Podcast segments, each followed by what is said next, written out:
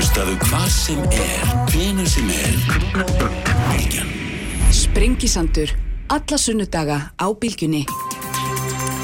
Sælir hlustendur höldum að stað hér á Sprengisöndinum í dag Eiríkur Ragnarsson, hagfræðingur í Hískalandi verður á línunni lok þáttar þau verða þarna hjá mér uh, Ólbjörn Kárasson, Rósa Björk Brynjósdóttir og Sigurður Hannesson uh, Ingeborg Ólastóttir verður hérna líka hótelstóri á, á hótelsögu sem að kalla það nú venjulega heiti nú vist Radisson Blue Saga svona formlega, en sestur er hjá mér Átni Óttur Þorðarsson sem er fórstur í Marels. Verður velkomin Átni Óttur Já, takk fyrir, Kristján? Já, hérna, þú ert hérna, þú ert hérna útitekkin og sælugur og, og hérna, það er gott að sjá að þessum síðust á færstu tímum. En sko, mér langaði þess að heyri þér vegna þess að nú er það þannig að Marel er auðvitað hérna, eitt af okkar flagskipum búið að vera mjög lengi. Og varst að segja mér á hann að þetta veri upprunlega humdinn frá 77 úr háskólanum og hérna, en þið eru svona það íslenskt fyrirtæki sem er með lang viðfæðmustu starfsemina, einhverju þjónustu í 140 löndum og, og hérna, og svona, fórum við að heyra aðeins í þér en það hvernig, hvernig þessi alheimskreppa kemur við fyrirtæki eins og ykkar. Já, það er hérna, kannski fyrst að byrja Já. á hérna, við séum frá 77 og, og þetta er náttúrulega ævindiralegu vöxtur í Marel á þessum 40 árum og svolítið holdt þegar við erum að tala um að hvort við hefum stíðað við sprota eða já, ekki hérna í Íslandi síðar í þættinu hugsa ég að, að þá, uh, þá er Marel stopnað í Háskóla Íslands sem er Íslenska ríkið uh, í samvinnu við sjáurútvið mm. á Íslandi til þess að auka nýtingu í sjáurútvið og auka hagkvæmni í íslensku sjáurútvið síðan 83 að stopna fyrirtæki utan um þetta þegar þykir náttúrulega ekki verjandi að, að ríkið leggji meira að mörgum heldur en hugviti í byrjun mm -hmm. og það þarf meira fjármagn en eins og allir sprótar þá gengur þetta upp og ofan ja. framan af vegna þess að menn er að fóta sig hvert er að fara og 92 er félagið skráð á hlutabrjámarka með 45 starfsmenn Já. og 6 miljóna efra veldu og aðali í fiski. Já. Í dag erum við yfir 6.000 starfsmenn mm. og erum á þjónusta viðskiptavinnum í 140 löndum og við erum leiðtogi í vél og hugbúnaði og þjónustu mm. til kjött, kjúkling og fiskvinnslu í, á, á heimsvísu. Oh. Þannig að, að þetta er mjög skemmtileg saga og ég held að, að stjórnendur hafi haft á gæfu ætla ekki að borða fílin í einu bita, heldur að vaksa skref fyrir skref og útvika starfseminna.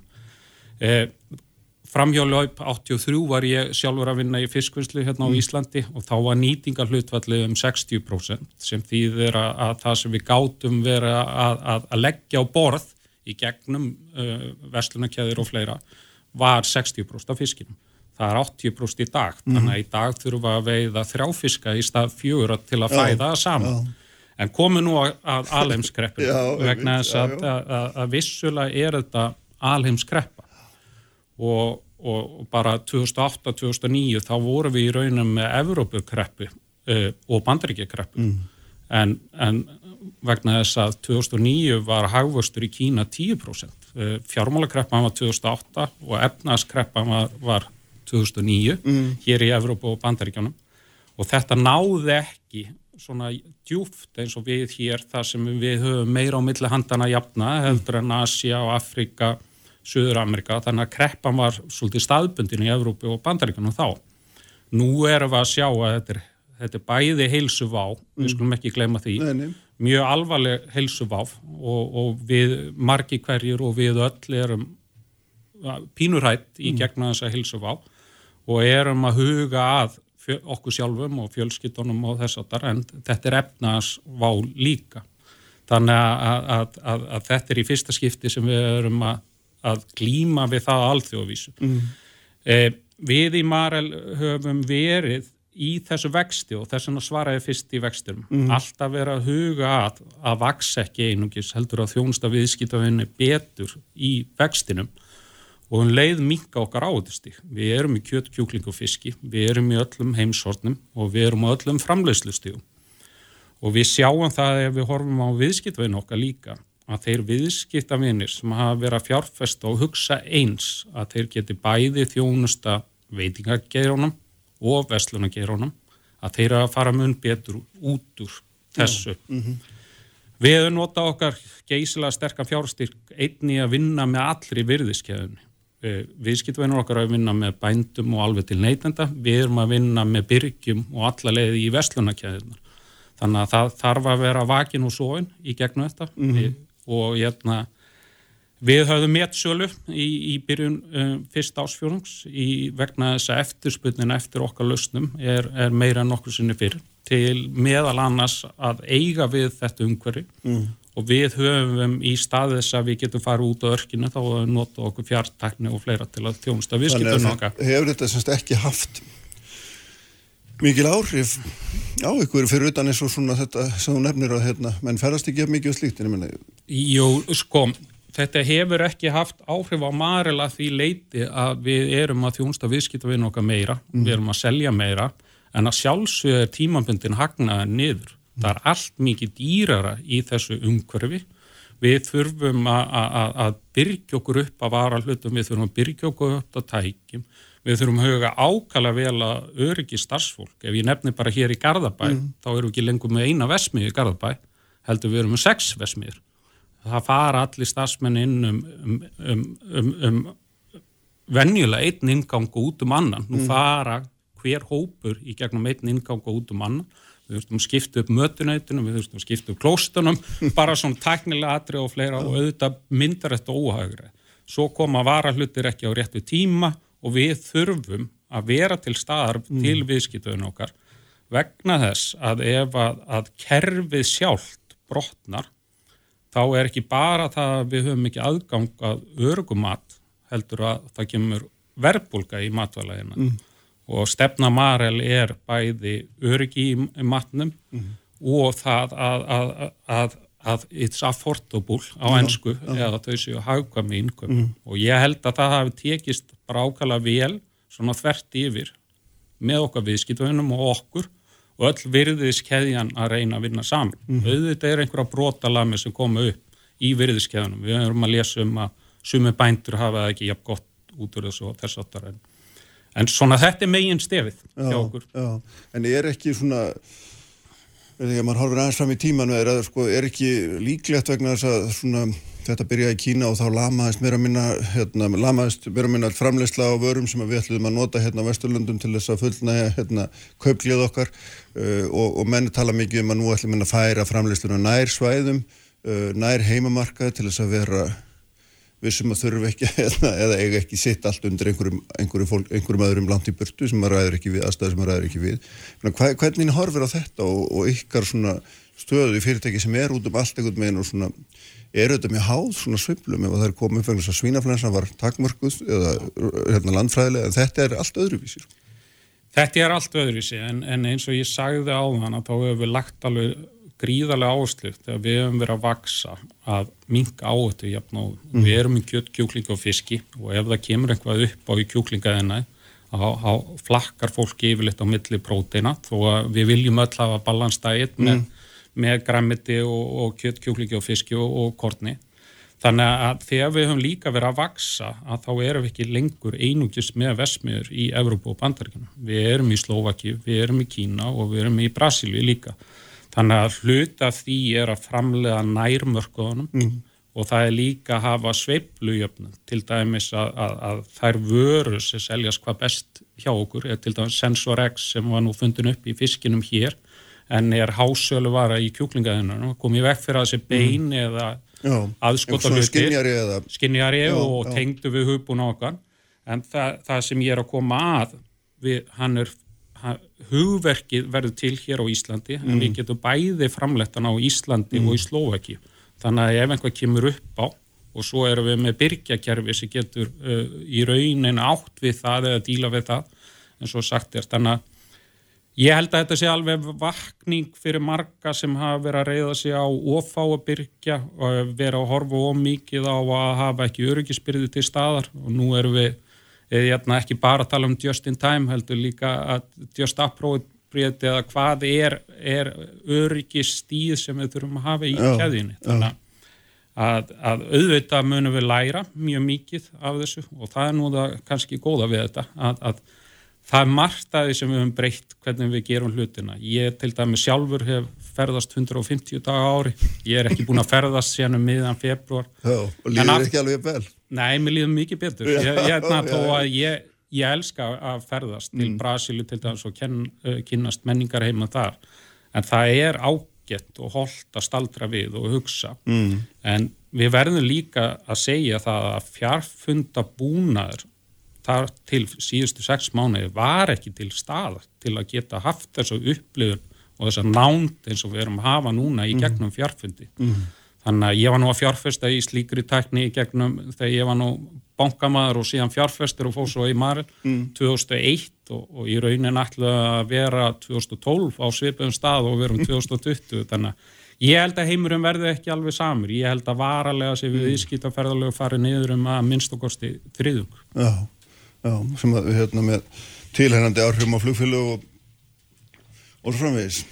Tilegrandi áhrifum á flugfélum en það er nú bara efnaðarslega gæði. Það er kannski miklu ekki að við munum menga minna, við munum ganga betur um jörðina og, og, og við munum, það er og kannski fara betur með okkur sjálf. Mm. Hérna, engalífi, fjölskyttulífi og vinnulífið.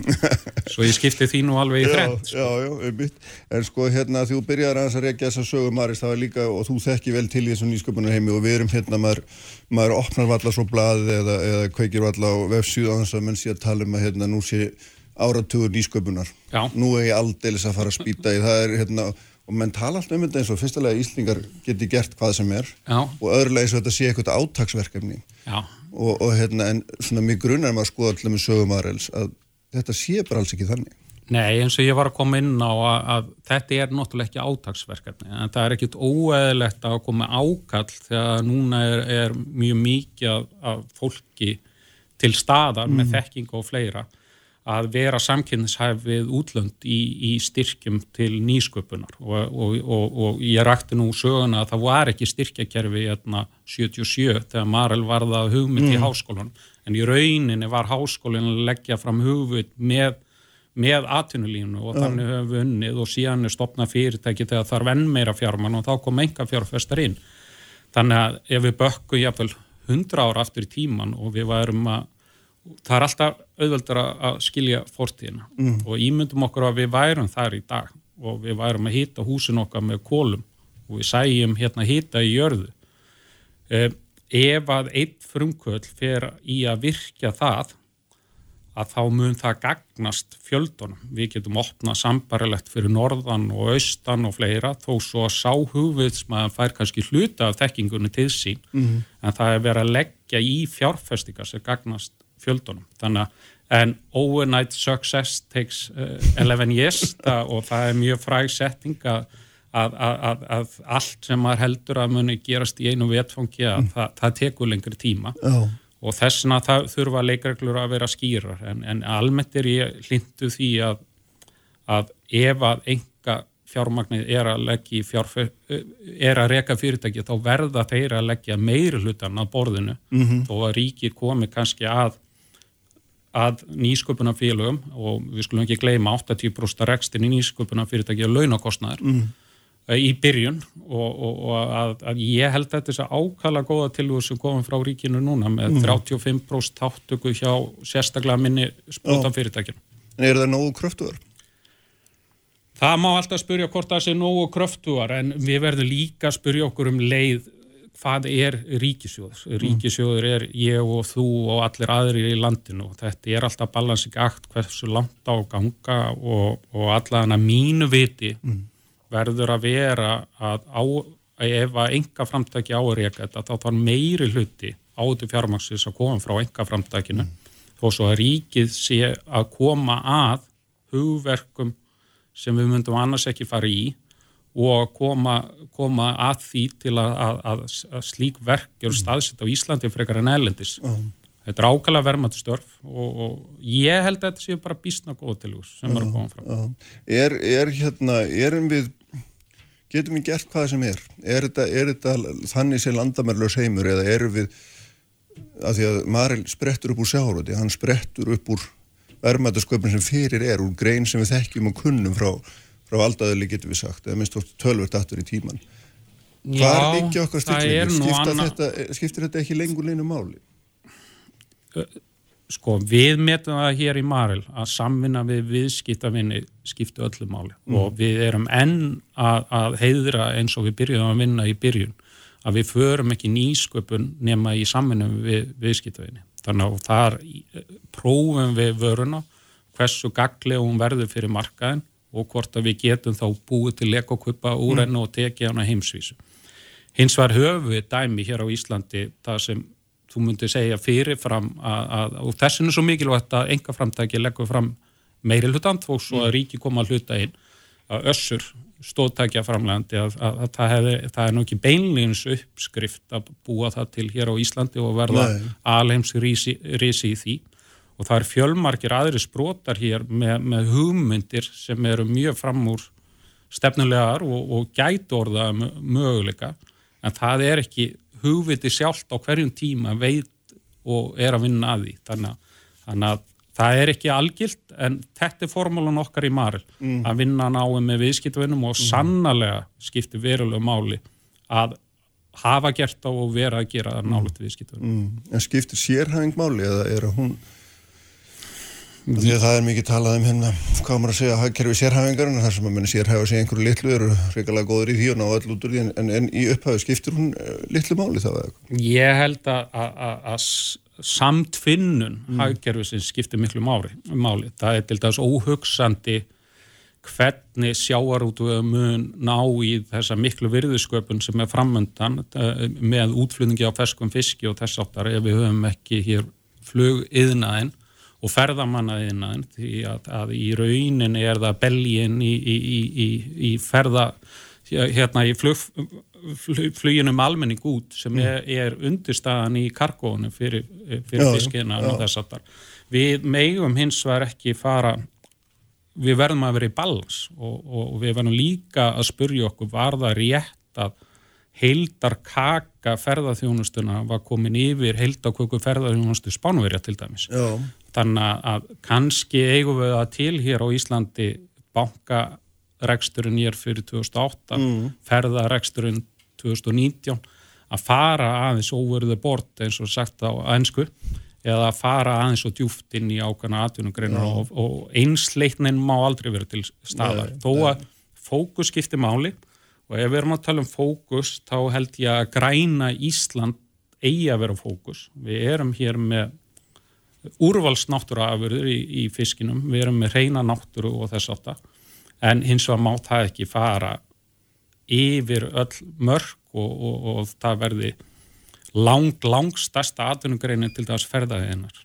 Nei, einmitt og það er þetta það sem við höfum gert og það nú kannski var nú ekki ákvörðum beinlínis heldur eitthvað með svona þróaðist að daldið af sjálfu sér og, og, og svona, maður veit að velti því fyrir sér á löngu tímbli hvort að svona að því að það er alltaf verið að tala um tæknistörfi þurfum fleiri tæknistörf, það eru hálunni störfin, hugvitið, skipti mestu en við fórum alveg þver auðvitað leið og fórum í, í mannapsfrekan hérna, atvinnugrein sem að þar sem að hérna, vísur eru, eru hálunastörf en líka mikill massi af lálunastörfum Algjörlega, en, en við skulum heldur ekki gleyma að það er mun betra ef ég, ég mm. segi til til, a, til að hafa höfustöða Marel á Íslandi að, að 2006 þegar við tókum stóru stökkin í vextinu okkar, ég kom sem stjórnformað 2005 og, síðan, síðan, og þess aftur, ég man vel það voru tvö flug á viku til Amstittam. Það var ekki döðvöld að vera með alþjóðlegt fyrirtæki hér á Íslandi.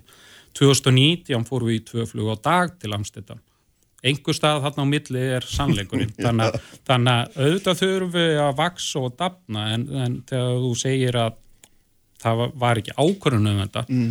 Það á ekki að vera ákvörðun en ríkistjórnar eða eins aðla en, en það voru fjölmargar ákvörðun sem gerðu þetta, það eru bændur sem ákvaðu að fjárfesta í ferðaðina, það eru einhverja lánastofnunum sem ákvaða að lána í það og þess áttar þannig að og, og fjölmargir aðrir. Þannig að það eru fullt á ákvörun og þegar maður er að fara í business og viðskipti þá verður maður að spyrja sig að hvað get ég gert öðruvísi fyrir væntalega viðskiptavinu og heldur en er verið að gera mm. hef ég einhvað nýtt fram að færa og það er í rauninni það sem atvinnulefi gengur út af það er að, bæta sig ár frá ári og færa eitthvað fram öðruvísi heldur en aðri gera og bæta við það. Mm. Þannig að, en heilt yfir viljum við fara tilbaka eins og ferðaðinu var 2005? Nei. Viljum við vera alveg svona hátt hlutvall eins og 2019? Nei, ég held ekki. Nei. Þannig að það er alltaf auðvelt að koma eftir og segja að við fórum alltaf hátt. Mm. Þannig að en, en, en einhver staðan á millið er sannleikurinn.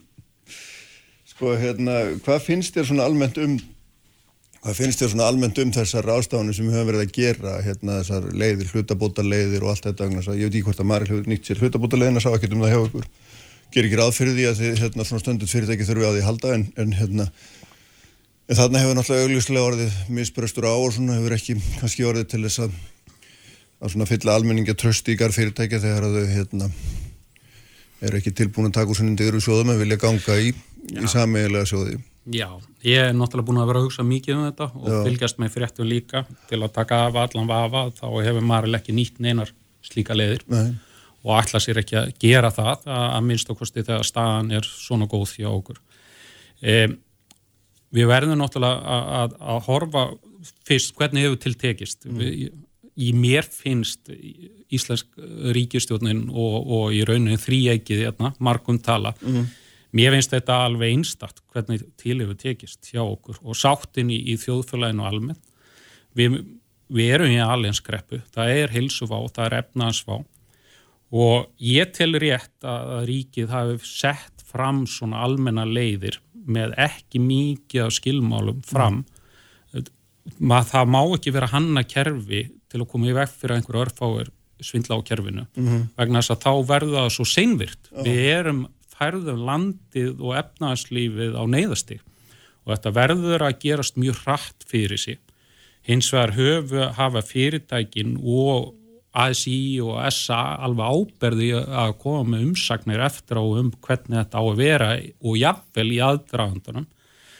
Þannig að, og förum svo í hvað er ríkisjóður? Ríkisjóður er ég, þú og allir hér mm. í landinu. Þannig að, að og förum svo í frumvarfið um hlutabótaleðina.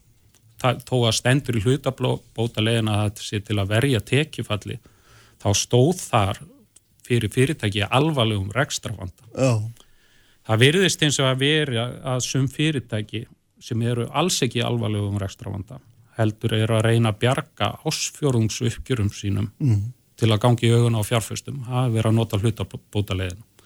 Og tilgangurum var ekki þannig og þetta er ekki bara umræða á Íslandi það er svipu umræða að eiga sér stað í Bandaríkjanum og Evrópu mm. og það hefur verið krafa sem hefur verið skjálfest um að skila þeim peningum af fyrirtækjum sem eru til að mynda skráða á verðbregamarka og hafa í aðra sjóða ganga e, ef við horfum á Maril stendur vel mm. en við sögðum hins var á aðalfundi okkar að tímabundi færi hagnaðurinn niður vegna þess að kostnæðurinn við allt þetta er mjög meiri en ég bætti nú ennsku við orðanum so what no. ef við höldum kerfinu gangandi mm. og við tökum jáfnvel markaslutild og vöksum til framtíðar þannig að við verðum að sína samfélagslega ábyrði þessu og ég get ekki annað sagt en, en, en, en það er betra af almennt kerfi mm -hmm. eins og ríki gerði sem gagnast megin þorrafyrirtækina 1, 2 og 3 vegna þess að það er ekkert gagn í að við sem að þvælast fram og tilbaka og, og komum með þetta þremum mánuðum og sein eins og að samfélags ábyrð menn verða að sína hana og, mm -hmm. og Men, þú ert náttúrulega að nýta hann alveg hressilega í kollegaðinu marga. Ég er ekki að nýta í þá vegna þess að ég sko, skoða þetta sjálfur. Já, já, hjá, en ég er að segja að þú menn hafa misnótað aðstöðu sína þetta því að þeir eru að hérna reyna að færa hjá sér uppgjörinn. Það lítur þannig út já. og ég held að ég, ég sé ekkert að nýta í kollega mína. Ég er hluti af samfélagi líka mm. og, og við erum öll hluti af samfélaginu. Það getur vel verið að menn gerir, við verðum líka af í huga. Það er ógna hraði í þessu. Þetta kemur rétt fyrir mánaðamótin og auðvitað er svona, ef við horfum neðan á fyrirtækjum, deildastjóra hvers félags hugsaður um sína deild mm. en þegar við erum á neyðast í með land, mm. fyrirtæki og þá þarf að breyta ákvæmdtökum svolítið öðruvísi. Og, og fórstjára og stjórnin þurfa að vera svolítið í hversmannskoppi mm. og við til dæmis tjónustumenn okkar get ekki fara út á örkinu núna. Og þá er ákala freistandi að sækja í hlutabótaleið þar. En mm. en það er hægt að gera ímislegt annað. Það er hægt að fara í endumettun, það er hægt að fara inn í vesmiðunar og hjálpa sínum kollegum í vesmiðunum og, og, og þess áttar. Enda þegar að þetta snýr við á Mhm. ógna krafti, þá þurfum við að byggja skrifstofólki að fara með þjónustufólkin út á örkinni. Þannig, þannig að, að, að, ég er e- í raunin ekki að nýta í heldur, ég er að segja að tilgangur hlutabótaleðana var alveg skýr. Hann var til að hjálpa fyrirtækjum í alvarlegum rekstravanda þó að, að síðan í, í, í skrifað inn í inn á heimasíðu vinnumálustofnana sér til að bregðast við tekifalli. Já, einmitt. Sko annað því sem hefur verið gaggringi og, og hérna hefur endur ekkert verið gaggring bara núna en, en sérstaklega sem samingi er auðvitað endur kaupa áallin á hlutabrjöfum. Já, Það eru að verður að kaupa hlutabrjöf af hlutöfum til þess að raun og veru. Félagin eru sjálfa að kaupa þau til þess að auka hagnaðira, auka arð, arð hérna hlutafan og þetta er hlutu sem þið hafi verið að gera núna í mars. Eru með ansi umsöga mikla áallin í því. Men hvernig hérna, verður það á þessu tíma? Já, við, við verðum nú að hafa í huga að, að þetta er uh, hlutafélug eru samspil margra þáttar. Við erum hérna í samfélag, við erum með starfsmenn, við erum með viðskiptavinn og við erum með hlutafa. Þannig að, og við verðum líka að hafa í huga að Marel gaf út 15% hlutafí í fyrra til að tvíli að skrá hlutabrifin í kaupallinni í Amstita og í rauninni út frá fjárrags styrk félagsins þá þurftum við bara að gefa út 10% en til þess að brefin gæti gengið kaupum og sölum á öllendum þá var að lámarki krafa um að það erði 15%. Þannig að umfangsmingin endurköp, nei, þau eru 2-3% af, þannig að við erum svolítið að leiða þetta, en, en við verðum líka að hafa í huga, mér finnst algjörlega ránt að fyrirtæki séu að greiða arð eða, eða kaupa bref þegar er verið að ganga til elsku mömmu ríkisins. Já, já. Og byggja um aðstótt. Þannig að þetta er, þetta er, þetta er, við verðum öll hérna að lifa í sátt, hlutaðarnir, uh, starfsmennir og, og viðskiptavinnir. Þannig á þeim forsendum að þið hafið ekki sótt í, í hérna, ríkisjóð þá sér þetta í, í lægi þessum, undir þessum kringustöðum. Já, en það verður alltaf að vera til skoðunar að sífælt og það, það fer náttúrulega eftir fjárastyrknum. Uh, hérna, Marel er nána skuldlöst félag. Við skuldum 0,4 sinnum rekstra hagnað, Já.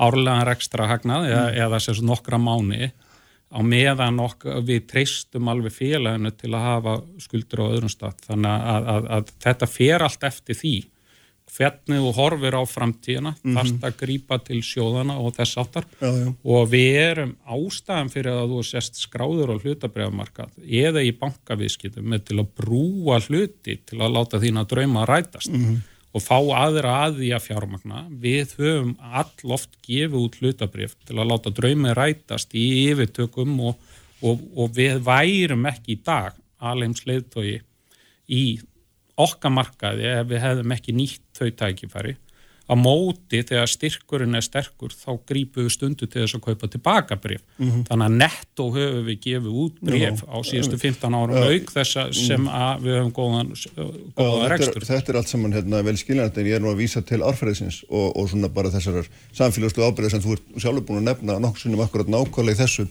þessu samingja því þetta er eitt af því sem að hérna, fundið hefur verið að við fyrirtæki. Að þau, hérna, þau kunni sér ekki hóf í, í, við þessar aðstæður.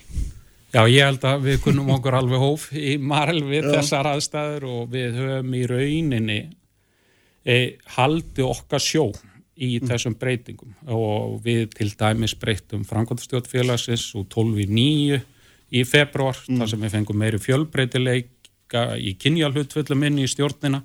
Erum hérna, fjögur hérna, löndi sem mynda þessa nýmanna Frankóttastjórn og að því þú sagðir að ég væri hérna útitekinn, það er nú kannski bara vegna þess að ég er með, með barn á leikskólaaldri og önnur á, á, á skólaaldri og maður er ansi oft úti, en það er ekki bara ég, það er helmingurinn á Frankóttastjórn Marild, þannig að ég held að við vitum nú alveg hvað klukkan slær í, í svona samfélagum og reynum að ganga um að, að mikill sátt. Við hins var erum heldur ekki að draga úr fjárfestingu í nýsköpun við fjárfestum uh, 6% okkar veldu í ár eins og í fyrra. Við dröfum ekkert úr fjárfestingum í, í framtíðinni. Þannig að þetta snýst um þetta að vera að hafa svona balans í því sem þú ert að gera. En þurfið þið kannski að hérna, velta því fyrir ykkur að auka þetta vegna þess að að það er auðvitað þannig að menn tala mikið um nýsköpun og sprota og eru að hugsa þá um einhverja örfáar sem hittast en auðvitað verður kannski stór hluti af nýsköpun og, mjög stór hluti til í eldri fyrirtækjum, er það ekki? Jú, en það sem við erum að gera er líka, við erum að auka samstarf mjög mikið við aðra. Við erum til dæmis í frábæri samstarfi við Tomra í, sem er nost félags, stopnaðum Svipa, Leiti og Marel. Þeir eru nummer eitt í heiminum að, ráðast á plastvanna, eða plasti í sjónum vegna þess að þeir eru nummer 60% markaslutvild á heimsvísi í endurheimtum á, á gósflöskum og endur vinslu á þeim. Þeir eru með tækin og tólinn hér á Íslandi meðal annars en, en við erum sérsagt og þar að leiðandi búa þeir yfir mikilvæg sjóntækni og eins og Marel, en þegar við fórum að bera saman hesta okkar, þá við, búum við við mun sterkari tækni saman enn í sikurulagi Mhm. og í staðin fyrir að fjárfesta alltaf hærri og hærri fjármunum, þá er að ná að gera meira fyrir minna og í jafnvel stærri drauma, þannig að til dæmis Marel Tómra er að vinna saman núna að lausnum sem geta nýst mjög mikið í matvælaðina og svo hugsaðlega getum við hjálpa þeim varðandi plastvanna í sjónum sem er nú okkur í Íslandingum nálagt sko. En við höfum aukið ár frá ári okkar nýsköpun og fórum til dæmis á milli áran 2017 og 18 upp með 20% og það er fyrst og fremst í hugbúnaðinu sem við erum að auka okkar. Mér heyri svona áður hérna að þurfum að ljúka þess að að Marel komi svona bara að öll óbreyttu mjög stert út úr þessu og hérna haldi áfram í sinni alþjóðlegu starfsemi. Það sé engin bilbúður á þér og ykkur Nei, það er nú fyrst og fremst krafturinn í starfsfólkinu sem hefur sínt alveg ótrúlega elju í þessu og, og hugvitsemi, viðskiptavinninni líka og þetta er náttúrulega aðstæður sem eru, ég vona bara að marta því sem erum að taka okkur auka kostnað í þessum þessum, uh, uh, þessum uh, á, á, hremmingum verði til góðs. Við breytum til góðs hvernig við vinnum og þetta verði ekki vondu kostnæður, heldur góðu kostnæður og ég er alveg samfærið um það. Ef við gerum þetta rétt, bæði þjóðfélagið og fyrirtækin, fjárfestu rétt í þessu og mindsetið eða hugur okkar verði til þess að fara ekki í gamla farið heldur að við munum verða reyfanlegri og kröfturi en við erum líka í undustuðu atvinnugrein. Við búum við þann munað samanborið við ferðarþjónustu fyrirtæki. Þannig að auðveldar er auðveldar að tala þegar staðsetningin hún er einstök sem við erum í í Marel. Þannig að já, ég er bjassitt og verulega bjassitt uh, til þryggjára og lengri tíma en við þurfum að vera vakandi dag frá degi. Alveg vakandi alla dag. Ljómandi gott átnöndur, takk fyrir að koma gott að fá þig Já, takk. Höldum áhrifin eftir augnablik Ingeborg Ólastóttir sem er hótelstjóri á Radisson Blue Saga eða Hótel Sögu eins og við þekkjum hún verður hérna hjá mér Fréttir þjóðmál og pólitík. Sprengisandur á bylgjunni. Uppspretta frétta á Sprengisandi. Á bylgjunni. Sæli hlustendur, Átni Óttu Þórðarsson varinn frá mér uh, Eirikur Ragnarsson, hagfræðingur bústur í Þýskalandi verður hérna með lokþáttar Rósa Björk Brynjarsdóttir, Olbjörn Kárasson og Sigur Hannesson verður hérna á eftir en nú er sest hjá mér Ingebjörg Ólastóttir sem er hótelstjóri á Radisson Blue Radisson Blue Blue Blue. Saga, hérna það sem við þekkjum nú undir nafnu Hótelsaga kannski flest, velkomin. Takk fyrir. Sko það er hérna, það er ekkit svo langt síðan varst hérna en samt, ég held ég okkur finnist að báðum að það sé mjög langt síðan. Því þá var þetta vesen alltaf bara að byrja og við sátum hérna og töluðum um nokkra kínverjar sem að voru að veikjast og svona veltum fyrir okkur á samt fleirum hvort að það myndi hafa einhver áhrif á Ísland og svona.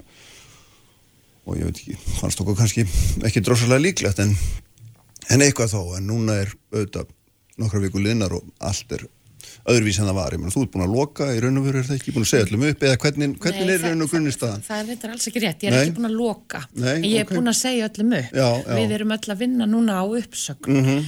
og, og það er kannski villandi og auðvitað les fólk fyrirsagnirnar fyrst Mm, og fremst.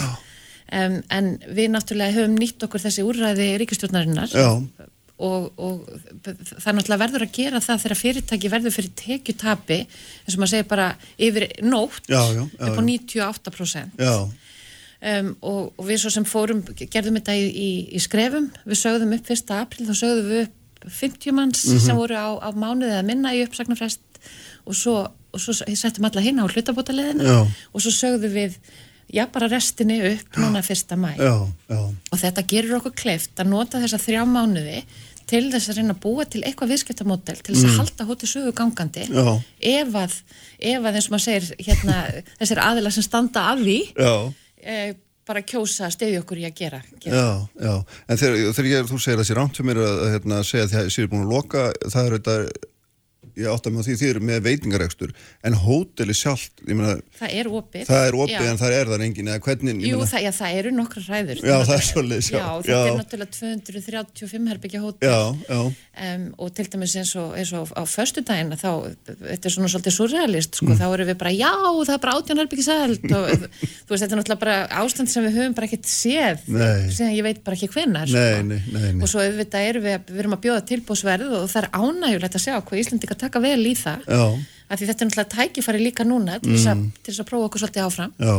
og þetta, þetta er náttúrulega bara gjör breytt og þess að þú sagðir, þetta er náttúrulega surrealist að sitja hérna með Þórólfi og, og tala um það já, já, við tökum bara vel að móti þessum kynverjum og við sóttrensum okkur bara aðeins já, og já, já, veist, þetta er bara þetta eftir á, sko, þetta er hlægilegt sko, Já, ég veit að þetta var svona þetta, já, það er, þetta, þetta er ennþátt svona bara eins og óraunverulegt. Þetta er mjög óraunverulegt og þetta eru, sko, þetta er ofsalega erfiði tímar mm. og, og fyrir fólk sem að, sem að starfa í ferðarþjónustu og er búið að byggja upp fyrirtæki og, og bara, bara í einu vettfungi þá er öllu kift undan Já.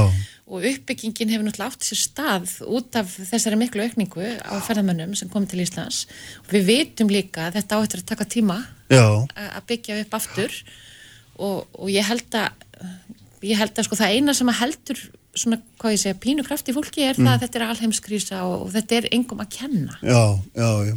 En hvað, þú sagður án að þið værið að spá eða værið að reyna að gera einhver viðskipta líkun og eitthvað að horfin í framtíðina. Ég meina, hvað, ég veit að þetta er þoka, en hvað sjáu þið? Ég meina, eru við, þú veist, að því að þetta er, sjá, sjáu þið einhverja mánuði, er það að hugsa frekar um, þú veist, að því að nú vinnið í ferðarþjónustun oft kannski eitt og tvö ári fram í tíman, er eitthvað hægt að merkja af einhverjum viðbröðum inn í þann tíma, hvernig, hvernig sko, lítur landið út? Sko eins og staðinni núna þá, þá, þá skiptir yngur máli hvað við gerum hérna á Íslandi á meðan önnur landamæri eru lokuð Já.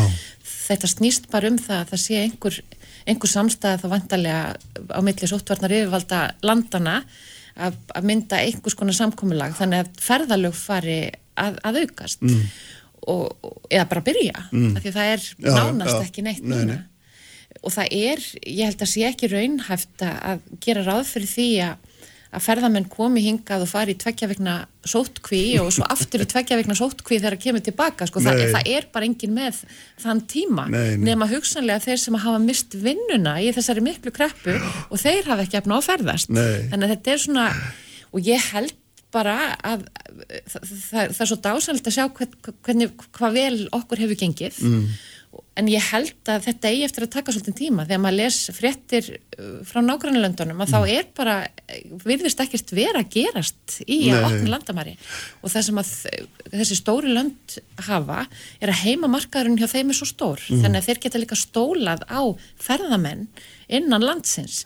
Við erum með svo fáa hér. Já að það hefur svo lítið að segja í, í, í, þennan rosalega, þessar rosalega innviðir sem við erum búin að byggja upp. Já, já, og sérstaklega náttúrulega er það, því að svona, auðvitað er það þannig að það ekki 85% gistingunni er auðvitað í Reykjavík og það ferðast innanlands þýðir ekki að ferðast ef við Reykjavík heldur að fara út á land, sko. Nei. Það, það er nú svona...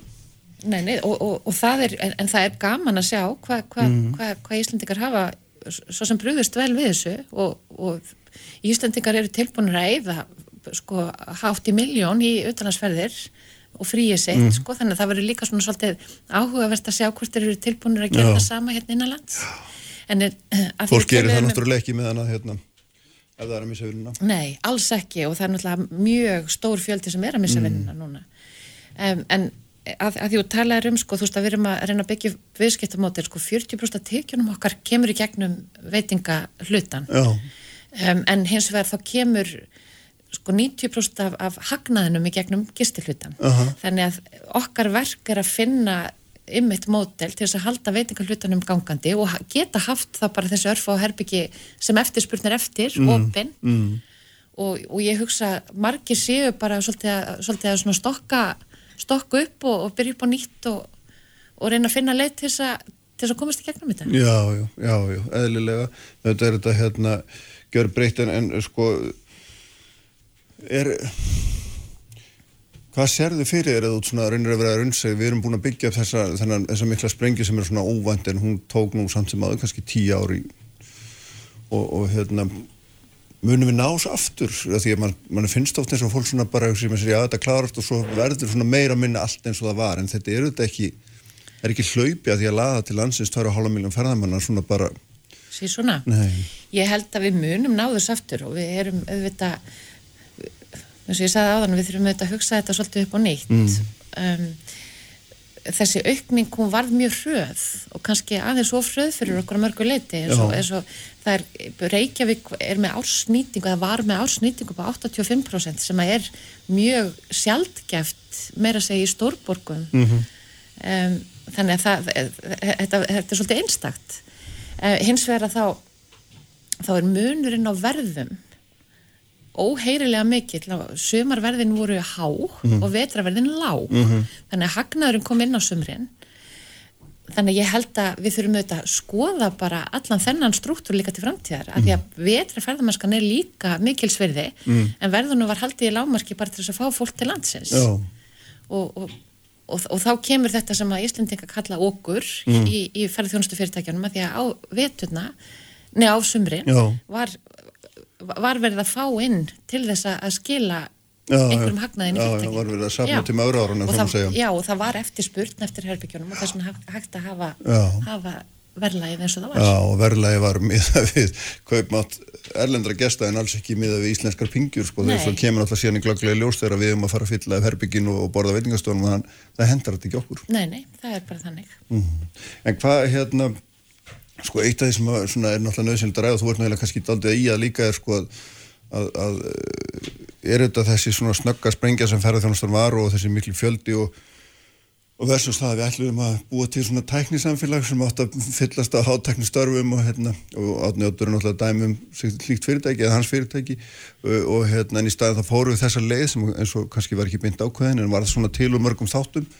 Og núna kannski gefst okkur tíminn til þess að huglega, hugsa málið aðeins og þá er náttúrulega ekkert vist að menn vilji veðja lánastofnur aðrir, aðrir vilji veðja aftur á ferðarþjónustur í saman mæli sko ferðarþjónustur er náttúrulega svo grein sem að, sem að hún er svo lifandi og, mm. og, og, og hún hefur tök á því að vaksa sko tilturlega hratt og hraðar heldur en aðra greinar mm. og auðvitað er hún mjög atvinnskapandi fyrir, mm. fyrir samfélagið og ekki bara það, hún náttúrulega heldur gangandi eins og við höfum fundið núna núna eru bara meðbarinn bara döfur og, og vesturna miðstöða líka samkomið takmarkanir hafið þetta haft eitthvað að segja um það en, en fyrst og fremst er þetta bara skortur af fólki sem er að sækja þessa þjónustu mm -hmm. og við megum bara ekki gleyma því að samfélagið okkar er svona óbúslega litrikt og flott af því að ferðamennir hafa komið og gert okkur kleift að byggja upp þessa þjónustu mm -hmm.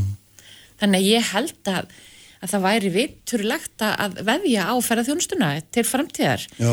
Í hvaða mynd hún er að því mér hef, hefur stundu fundist verið að tala um þessa ríku ferðarmenn sem við ætlum að fá til landsins. Já, já, það er, það er náttúrulega já, já en, en sko það er kannski lókist að hugsa kannski endur skoðu við svolítið mótelin okkar og förum um þetta í þá sem að vilja koma til Íslands til þess að njóta til mm. þess, til, til, kannski ekki bara til að tekja í bóksið að hafa komið til Íslands heldur að byggja upp ferðarþjónustu þar sem að, þar sem að fólk kemur og nýtur, nýtur náttúru og, og, og, og menningar mm. því það er alveg rosalega mikið flott búið að byggja upp á þessum árum mm. alveg sko stórkostlega mikið Já, emitt sem að hérna sem að hægt er að gera sem mikið mat úr um leið og einhvern kemur en, en þá komum við náttúrulega þess að það er það verður ekki meiri ferðarþjónusta heldur en frambúða flugsætum inn út á landinu og það er líka enneitn ósvöð þátturinn auðvitað hvernig það allt saman Það er náttúrulega er bara eins og, eins og öll ferðarþjónustu fyrirtæki flugfélagin fara bara beint niður. Og það er, þetta er bara því vorum að tala um hérna, við, við Þórólfur að tala um að hérna sóttrins á okkur hendurnar þegar við tækjum á móti kynverunum en þá er þetta, þetta er algjörlega surrealist ástand að bara horfa á tekifallið bara 98% neður og þetta er svona hálfgeitt ráðalesi bara, mm. þú veist bara og, og það, það, er, það er svolítið erfitt að einhvern veginn að fá hausin í lag og bara minna sig á og þetta er ekki bara hérna, þetta er ekki bara mitt fyrirtæki, þetta er ekki bara Ísland þetta er bara allur heimurinn. Já. Því, og maður verður svolítið að gera það af því að þetta er svo erfitt ástand. Já, já, en eitt af því sem maður getur svona alveg séð fyrir, eða vel að tvær sinnsmyndir sem maður getur fyrir, fyrir sér í flugi er annars vegar það að svona okkar flugfélag komist út úr þessu viðlanleik og og það er eiginlega annað en nú er eftir að hugsa sér að þetta er náttúrulega bara þannig ástand að hérna, kemur engin sterkur út úr því það er nú væri mjög skrítið. En þá getum við annars vegar að sé það að hérna, markaðin var lítill, það vildi engin fljúeng og þá varum við bara með eitt veikt félag sem þurfti að verleggja sig mjög hátt þá væri við bara komin 30-40 ára aftur í tíman, eða það kemur einhver mjög sterkur og myndi bara geta markaðið nú ríða sjálfum okkur úr vegi, ég meina þetta er eitthvað sem að Já, já, og, og það er, sko við vitum það vel að það eru tækifæri fyrir mjög marga í þessu ástandi mm. og kannski hef ég alltaf talað fyrir því og þess vegna fór ég þessa leið að segja öllum upp og reyna að finna einhverja leið til þess að byggja upp öðruvísi mótel mm. að því að það versta sem við getum gert er að setja öll þessi félög í þrótt oh. að því að þá er einhverjur á hliðalínunni sem að, að fjársterkir aðla sem geta komið inn og keft og þá, þá erum við komin aftur í, í hrunn hrun ástandi. Eh, hvað hvað er skynsalegt að gera, það er ómulegt sko þessar flugvilar þar verða ekki aðgerða lausar enda laust, það er einhver sem á eftir að nýta sér þessi tækifæri. Og, og, en við höfum átt okkar eigi flugfélag og, og það, það er búið að vera svona svolítið okkar stólt já, já, já. og er okkur náttúrulega lausilegt? Það er nýtt líf, sko við komum stekkjast ef við höfum ekki ef við höfum ekki flug til landsins. Nei, Nei, nei. og það, er náttúrulega líka það sem að sko, hérna, okkar flugfélag hefur flóið reglubundið til og frá landsins að því önnur flugfélag hafa stundu verið að koma inn bara mm. akkurat þegar eftirspurnir eftir sætum já, já, já, og það er okkur lífsnöðsilegt að vera með flug hingað allt áriðum kring. Já, einmitt. Sko, hérna hvað, hvað gerist nú, nú ertu búin að segja allum upp uh, eða það er allir konar uppflögum frest og svo líkur honum vantarlega flestir eða allir eftir þrjá mánu, ég veit ekki alveg hvernig það er en og, þarna, og það er ennþá engi gestur Nei, það, sko, það, það er náttúrulega, það er hræðilegasta sviðismyndin, um, en, en við erum í tilrunastar sem erum að, að setja upp viðburði og, og reyna mm. að fá fólk í leið með okkur til þess að koma. Um, auk, sem sagt, ringunin og samkomibanninu upp í 50, hún, hún skipta okkur máli, vegna mm. þess mm. að það er eiginlega bara valla hægt að hafa 20 manns í takmark það, það er bara að borga sér ekki Nei. en auðvitað er þetta algjörlega einstakt tækifæri fyrir okkur þessa þrjá mánuði að, að vera að borga 15% launakostnaðar og mhm. geta nýttan til þess að byggja upp þetta viðskiptamódel mm. við erum með stóra sali og við erum með veitingastað sem er mjög vinsall uh, hjá Íslandingum Vi, við marka settum hann gaggjart mm, þannig mm. og það er að koma sér vel núna þannig að, og vestubæðingar og já, ekki bara vestubæðingar bara borgarbúar hafa mm. bara tekið þessu óskaplega vel og, og bara flykt liði mm. á hóttu sögu til þess að gera sitt til þess að bjarga okkur frá mm, mm, lókun þetta verður mjög smátt í sniðunum og meðan við erum að koma okkur áfram en ég held samt að almennt að þá, þá eru þjóðfélagin í, í, í mólum samfélaginn og, og ég hugsa að það verði reynd að finna einhverja lausnir til þess að koma aðtunulífin í gang allstaðar í heiminum, mm. núna fljótlega. Og, og ég, ég hef fulla En það er alltaf auðvitað ef, að, ef að ekki verður stórbreyting allir sáflugi eða einhverju slíka á næstu mánum og þá eru fyrirtæki svo þitt í alveg sama vanda. Þá það verður þá að framlengja einhver úrræði, annars bara annars þarf því raun að vera lokaði það, það, það liggur alveg um upp Já þetta er bara nokkala þannig ef okkur tekst ekki að búa til mótel þar sem mm. að ég endur ræð einhvern hluta af stafsfólkinu mm. og eh, að tekjurna standi undir þeim launakostnaði uh. og öðrum kostnaði sem fellur til að þá auðvita er það þannig en eins og ég segir sko þetta er náttúrulega það eru þetta bankarnir og eigendur sem að, sem að koma fyrirtækjunum í gegnum, gegnum uh. þennan skapl og, og það eiga margir því miður eftir að Já, ég meina þá erum við fann að komin á það stað að hérna, bankar eru farinir ákveðað aldrei hver hver lífur og hver þeir sko. Já, já, hmm. og, og, og það, það er þannig og, og ég held að það er svolítið sko erfitt það er ekkert annað sem, að, sem er í stöðunni sko. og þetta er erfitt vegna þess að þeir sjá ekkert fram í tíman hvað gerist frekar heldur um við Nei, nei Nei, það er rétt og hérna, ef maður þekki banka með rétt þá vil ég frekar hafa vaðið fyrir neða sig Já, þeir, það er náttúrulega líka fjallir dómari eftir, eftir hrunnið og, og eðlilega kannski þá eru þeir varkárir. En, en að því þetta er nú svona alheimskrísa þá held ég um þetta að að e, ríkis ábyrg skiptir mjög miklu máli í, mm. í þessu sko, þú veist að ríkið líka stiði við bankana þannig að þeir geti tekið smá sensa Já, um mitt En við skulum sjá hvernig þetta fer, við hittust aftur út í nokkru vikur og kannski verðum við svolítið gladari þá. Já, takk kærlega fyrir. Takk fyrir að koma. Heyrðu þau verða hérna hjá mér Rósa Björk, Brynjúsdóttir, Óli Bitt Kárasson og Sigurður Hannesson eftir augnum blikk.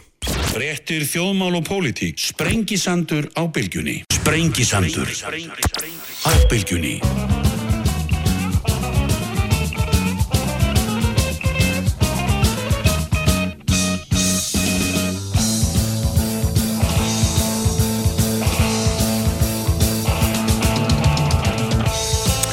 Sælir afturlustendur, þá er hún Ingi Björg Ólastóttir, hótelstjóri á, á Hótel Sögu, svo ætlum við að kalla hana bara það.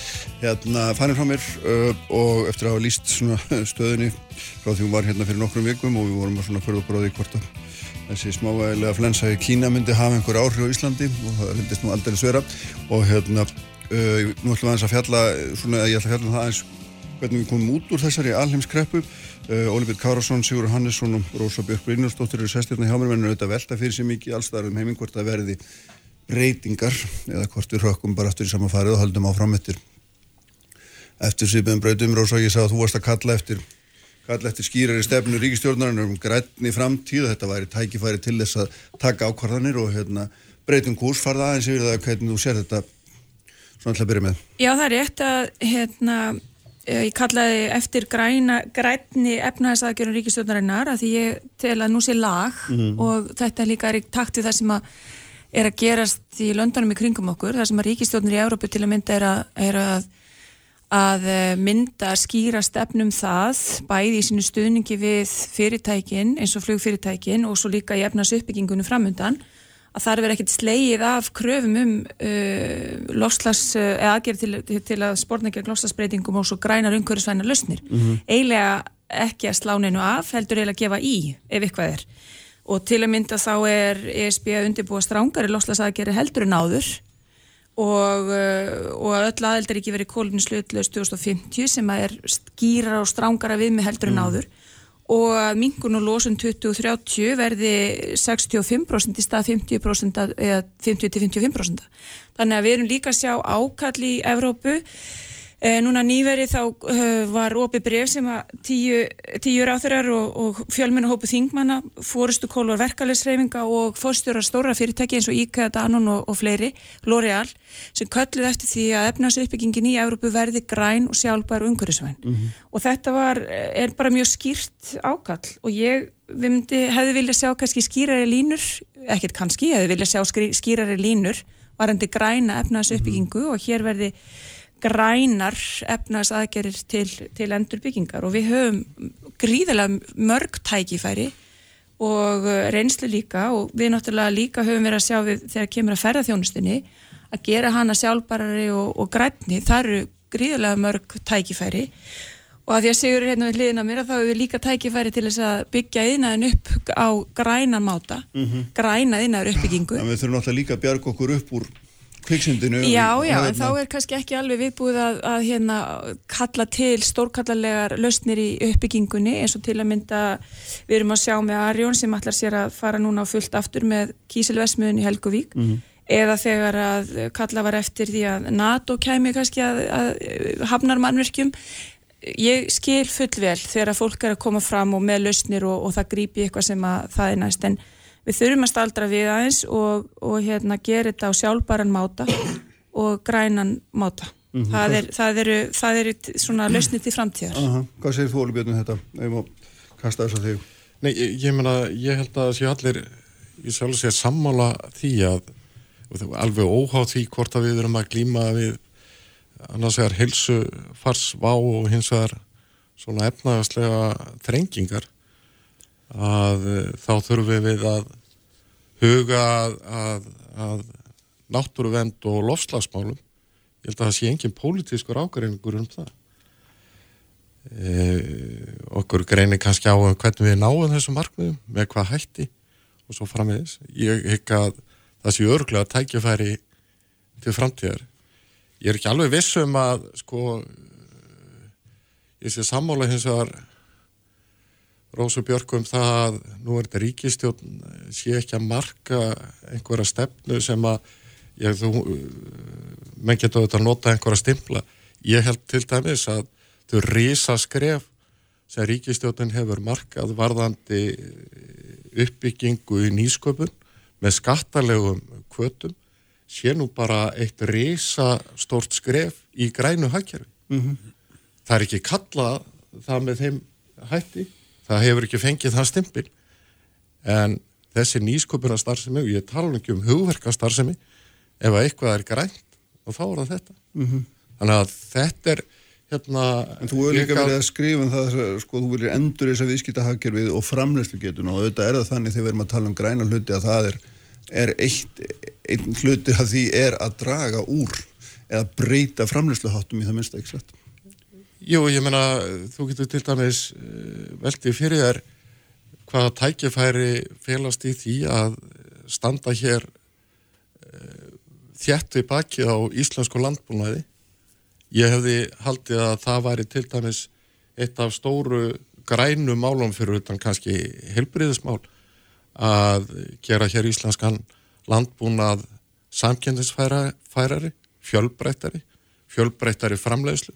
Þannig að til dæmis þurfi ekki að flýta ja, mikið af matvælum þó ég sé um leið talsmaða þess að fólk eiga, eiga sinn valkost. Mm, mm. En valkosturum verður þá að vera raunverulegur og, og hérna, þannig að ég held að, að það sé séu tækifæri þar til dæmis. Mm -hmm. Ég hef sagt sko verkefnið okkar núna hefur verið og er í mínum huga að venda þá innviði sem eru í viðskipta hagkjörunum sem eru verðmættin, það sem verðmættin eru sköpuð hér. Auðvita eh, hljótu við að, að, að venda þessa innviði, þessa þekkingu uh, sem er til, en við þurfum líka að sækja fram á öðrum vettvangi og eins og ég nefni hér á þann. Þetta eru risaskref sem að er verið að taka og ég ávona því að það verður endalega afgreitt á allþingi í mikillir samstöðu uh, það er aðgerði sem að vera að grýpa til til að íta undir nýsköpun mm. stíga hér hérna skref í átt að fjórðu yðbildingunni taka þátt í henni og svo yðbilding verður meirið að minna græn mm -hmm. Rósa, kemst að Sigurus Hvernig horfur þetta þér? Bara svo stóra verkefni framöndan eru þetta það að koma 55.000 manns aftur inn á vinnumarkaðin 55.000 manns sem eru annarkort atunlausir eða þá á hlutabótum. Um, ef það er einhver tíma góður tími fyrir stóra hugmyndir og þá er það núna. Mm -hmm. uh, við eigum eins og hér hefur komið fram þá þurfum við að hlúa því sem að fyrir er uh, eins og komum við inn á varandi framleyslu getuna og og annað. Við erum með sterkan yðnað og sterkar greinar hér sem að munu taka við sér en við þurfum líka að búa til eitthvað nýtt og við meðum ekki gleyma því að óveðuskíin voru þegar yfir Íslandi um áramótin mm -hmm. áður en að koronaviran fór að breyða yfir sér yfir heimsbyðina. Við vorum að velta því fyrir okkur á þeim tíma og, og áður hvað er því aflvaki vakstar á næstu árum og áratögum Við höfum nýtt náttúruöðlindunar vel, hvað sem það er hafið, náttúran og færaþjónustan eða, eða orkuöðlindunar og innæðurinn, mm. tengslum við það. En núna þurfum við þetta að virkja okkar helstu öðlind í meira mæli sem er hugvitið. Og þess vegna fögnum við mjög þeim breytingum sem að núna er verið að ganga frá á, á þinginu, varðandi endugreislur vegna rannsóknar og þróunarkostnar. Þetta er miklu starra held ég en að, að nokkur gerir sig grein fyrir. Nýsköpun er ekki ein af leiðunum fram á við, hún er eina leiðin fram á við. Mm -hmm. Hún er eina leiðin núna til þess að byggja. Hún er náttúrulega heldur engin, engin rústabjörguna leið. Hún er það augljóslega ekki. Nei. Átnjóttur var þetta í morgun og hann var að tala um Marel sem var sko stoppað 1977. Algjörlega. Þetta, hana... þetta tekur mjög langan tíma Já. en eins og með öll slík verkefni þá verður það að byrja mm og það góða er að, að þessar endugreislu sem við nefndum hérna að það prógram byrjaði fyrir svona cirka áratug síðan hefur gefið góða raun það hafa orðið til störf, það hafa orðið til aukin verðmæti, auknar útlunnstekjur ríkisjóður hefur fengið auknar tekjur út af því og svo framvegis þannig að við höfum núna eitthvað til að byggja á um, út af þessu uppbyggingastarfi að þá munu nokkur fyrirtæki blómstra á næstu árum sem hafa verið að byggja upp núna síðast áratvíðin.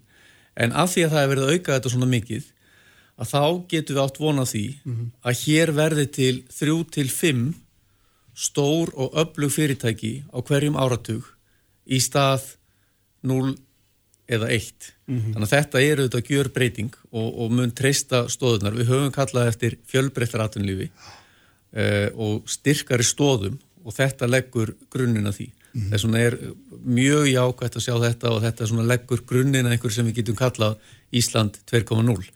Og þarna auðvitað koma grænuleusina líka við sögu vegna þess að við höfum uh, góða sögu að segja þar. Við höfum fyrirtæki sem að er að hugsa á þessum nótum, bæði sjálf að, að hugsa í loftasmálum en líka að búa til lausnir hvað sem það er hérna, þekkingin sjálf tengt orkunni eða þá bara lausnir til þess að reyna að draga úr, úr losun En ég er, er hérna, Rósa þú herðir Óli sagði að þetta væri risstort grænt skriðun að gaggríninn væri raun og veru þá ómagleg hvað sko, þetta var það er, sko. Já, mm. það er vissulega rétt og, og algjörlega bara, hérna, ég er ekki að draga úr því að það er góð áherslu á nýskopun í aðgerðarpakka ríkistjóðnana sem á greiða leið fjármaks inn í nýskopunar umhverfið.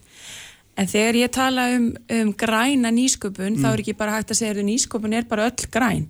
Við verðum að móta einhverja skýra stefnu um græna nýsköpun að starfsemi og í 26 síðan plaggi sem að nýverið var kynnt hér um nýsköpunastefnu fyrir Ísland mm. eftir ársvinnu 20 manns þá eru einu sinni kemur orðið fyrir græn og einu sinni kemur orðið fyrir umhverjuslaust eða umhverjusvæn segi ég mm. og það er bara að mínu viti þá þarf bara, þá er, þá er ég að kalla eftir því að þessi stefnu mörgun og sín verði skýrari, afdráttalösari mm -hmm. og að við segjum þetta með eh, skarpara orðalagi Þannig að ef við gerum það ekki, þá eru við bara hérna að segja, jú, heyrðu, við erum með nýsköpun bara í, í kjúklingabúum sem eru versmi, eða skiljiðið mig, það, bara, það verður að vera skýr stefna og stefnumörkun þegar kemur að þessu. Og ég segi, ég tek undir það... Stefnumörkun er þá falin í því hvað má og hvað má ekki innan einhvers græns ramma. Já, nákvæmlega, og í hvað við erum að setja nákvæmlega fjármunna og eins líka þegar, þegar við erum að tala um styrki við, þegar þið ofnbæri er að stíga inn varandi styrki við fyrirtæki, þá verður við náttúrulega að binda þann stuðning líka, hinn ofnbæra stuðning við grænar og umhverfisvæna lausnir. Það er til dæmis uh, stórríkja borðið Frakland og Holland að gera í sínu stuðningi við flugfélagin og það hefur við að vera óhrefðið að gera sömu leiðis. Mm -hmm. En ég fagnar því þegar Sigur er að tala um og ég er algjörlega sömu, sömu blæsi og hann. Núna er tímin einmitt fyrir stóru hugmyndir og að, að, bygg, að leggja fyrir okkur hvers konar uppbyggingu við viljum sjá hér í hvað áttur við viljum að samfélagið fari eftir, eftir, eftir COVID-faraldurinn og þessi umræðu er bara rosalega mikil erlendi, svona mikil gerjun í þessar umræðu og þá er við í raun og veru bara að fagna því og taka þátt í þeirri gerjun og, og stíga svolítið afdráttalösar mm. inn í það mm -hmm. og ég myndi líka bara, ég segja samtöku innar, ég segja líka taka fórust í þeirri umræðu og þeim tillögum og mm -hmm. ákvörðinu sem við ætlum að fara út í alveg svo aðunlífið í löndunum kringum okkur er að taka þátt og kalla eftir mm -hmm. í mhm. raun og veru græni lausnum og grænari ákvarðanutöku. Akkurat, það er gaman fyrir mig sem forman grænvangs að hérna, þú skulle nefna þetta vegna þess að aðunlífið og innæðurinn tók einmitt frumkvæði í mm. þessum málum. Við fórum til stjórnvalda uh. og báðum stjórnvaldum að vera með aðunlífinu í þessari vegferð um græna lausnir eh, bæði að vinna að því innanlands að með fyrirtækjum að draga lósun en ekki síður mm -hmm. að stuðla að auknum útflutningi. Já, en Sigurður, þegar við erum að tala um þetta núna þá erum við líka alltaf að hafa í huga eins og þú nefndir svo ágætlega upphæður þín smáls, það eru 55.000 mann sem býðir til vinnu. Mm -hmm. Þau eru ekki að býða eftir því að fá grænt starf eftir þrjú ár, sko. Þau eru að býða eftir vinnu eftir þrjá mánuði eða vilja vita hvað verður eftir þrjá mánuði samanverð mm. hótelstarfsmenn og hótelsögu sem eru að vinna uppsagnarfræstin sín. Já, en vinna við almenni samgöngur ef við flýtum þeim áfram, ef við, við kerum það í gang. Ég meina það er alls konar lauðir líka til þess að gera núna mm -hmm. strax einhverja hluti mm -hmm. sem að hérna, gagnast fólki strax og það er alveg rétt sem hún segi Kristján að við getum ekki öll verið hugvits fólk við getum ekki öll verið hérna í nýsköpun og verið að skapa alls konar hluti við erum alltaf líka hérna verið að koma til önnur störf mm -hmm. sem að vinna síðan við þá nýsköpun og það er náttúrulega það sem að kannski er hérna, hvað greinir kannski á um lausnir strax en líka lausnir til framtíðar mm -hmm. Olvið, það er sko, hérna, rosa nefnir hérna, umræðin elindi sem maður sér það við að það er hérna þessi setning sem er kannski verið hérna, notaðan svo oft en kapitalismin er döður, hann hlýtur að breytast í grundvallaradriðum og þess vegna kallaði því að því að þú ert eini þetta albili í kapitalismin sem það ekki hvað heldur erum við að fara að sjá einhverja breytingar? Erum við að fara að sjá einhverja grundvallar breytingar við getum talað um grænt og um hverju svend en er, verður sig bara Ef ég geti svarað þessari spurningu Kristján þá var ég örglega Það væri ekki mér. Ég væri því miður ekki fyrirlestaraferðu, ég myndi kannski halda það á netinu. En ég heika, ég, það sem ég óttast, mm -hmm. er að svona ástand verði pínlíti vatn á millu svona þeirra afla sem að eru vinna eða sjá allt neikvægt við alþjóðlega samfunnu og opinn samfjölu mm. og uh, ég hygga þegar við förum í gegnum söguna að þá enn og staðrændið svo við getum talað hér um eitthvað sem er grænt og fallegt og, og svo fannumist en þá er það nú þannig að að tæknið framfærir e, bætt lífskjör alls almennings hafa byggst á frjálsum viðskiptum og opnum hagkjörfum og opnum samfélagum. Það er verkefni sem við þurfum að kljást við á næstu mánuðum, missurum og árum að tryggja það að við búum hér í opnu og frjálsu samfélagi. Opnu markashagkjörfi. Vegna þess að e, við getum auðvitað sagt sko, ég get haldið ég fram til dæmis að það var auðvitað kapitalismin sem bætti lífsgæði til dæmis íbú á London sem var bara í þóku, kóla þóku hér e, á tímum miðbildingar en það var hins vegar voru tækniframfæri sem lestu og byggu til betri loftgæði þar. Þannig að, að það eru þetta marka sakjari sem mun drífa áfram e, þau Eh, sagt, framfærir okkar mm. og verða til þess að við munum til dæmis átt okkur á því eins og ég hef verið að benda á hér í nokkuð mörg ár og skrifaðu að til dæmis náttúruvend er bara skinsanleg efnahagsleg aðgerð. Mm. Það eru bara ákveðin verðmæti fólkin í því að venda náttúruna og uh, til þess að gera það þá þartu frjása hagkjærfi en ekki skipun og ofan. Þetta verður að byggjast á, á frjálsu framtæki einstaklingarna. Mm. En þetta er sérstast hverja að vera breytingar ég þór ekki að segja það, ég hins vegar óttast að það getur orðin neikvæðar, það verði eitthvað afturkvar til einókurunar eh, minni alþjóðleira samvinnu og ekki þessi opnu frjálsu svona samfélag sem að við erum vön og viljum hafa hér á Íslandi held ég langflest mm -hmm. Sko þetta er hérna vissulega hérna eitt af svona mörgu sem menn er að, er að velta fyrir sér og, og svona hérna þegar menn er að skoða það náttúrulega þetta hvernig svona samfélagin verða þessu að þessu svona pólitíska leiti sko en, en hérna En við sáum þetta mm. Kristján sko að kannski það sem gerist gerðist þegar að svona menn fór að segja á því að þessi koronu djöfull var svona skæður að þá skriðu allar þjóður í skjelina mm. hver fyrir sig verja sjálfa sig í staðan fyrir að koma fram og hérna, taka höndum saman ég hygg að, hérna, að þegar að hérna, tími líður að þá munum menn komast að því að viðbröð einstakara þjóður og sérstaklega innan Evrópusamhansins hafi leittið þess að við erum lengur að ná okkur ekki bara út frá sko heilbriðisjónamöðum heldur líka efnaðslega út af mm. þessum viðbröðum. Mm. Ég held akkurat samt eh, að eh, já, á tímabili kannski höfum verið svolítið uggandi við því í hvora áttina þessi faraldu myndi leið okkur og ég tel samt sem ára ef ég má aðeins að, að hérna viðbröðin, hinn alþjóðlegu viðbröð hafi samt sínt okkur að samtakamáttur og samvinna hafi verið líkillin að því til þess að glíma, glíma við þennan stóra faraldur. Og ég er ekki eins neikvæð og svart sín á það eins og Óli Björn er að lýsa hér að faraldurinn hafa kannski leitt uh, stert í ljós einhverja einangrann higgja og svo framvís þvert að móti, ég held einmitt að, að virðing... reynda, það er nú alveg augljós staðrind í upphæfum alls, þannig var það já.